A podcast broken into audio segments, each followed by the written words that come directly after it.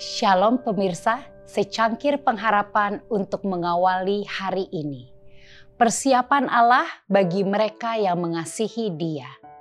Tetapi seperti ada tertulis, apa yang tidak pernah dilihat oleh mata dan tidak pernah didengar oleh telinga dan yang tidak pernah timbul di dalam hati manusia. Semua yang disediakan Allah untuk mereka yang mengasihi Dia. 1 Korintus 2 ayat 9 dan kepada semua orang yang setia yang sedang bergumul melawan kejahatan. Yohanes mendengar janji-janji yang diadakan. Barang siapa menang, dia akan kuberi makan dari pohon kehidupan yang ada dalam taman Firdaus Allah. Yohanes melihat kemurahan, kelemah lembutan, dan kasih Allah bercampur dengan kesucian, keadilan, dan kuasanya. Ia melihat orang-orang berdosa mendapatkan seorang bapa yang kepadanya dosa mereka telah menakutkan mereka.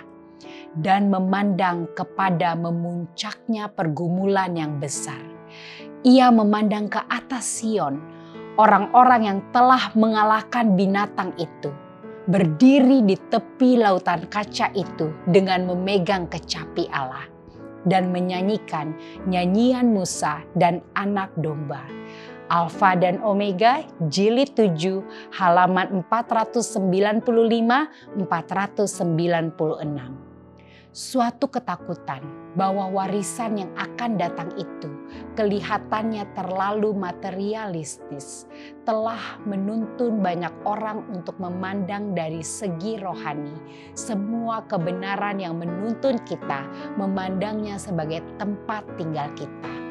Kristus meyakinkan murid-muridnya bahwa ia pergi untuk menyediakan tempat bagi mereka di rumah Bapa mereka yang menerima pengajaran firman Allah tidak akan bersikap masa bodoh sama sekali mengenai tempat tinggal surgawi.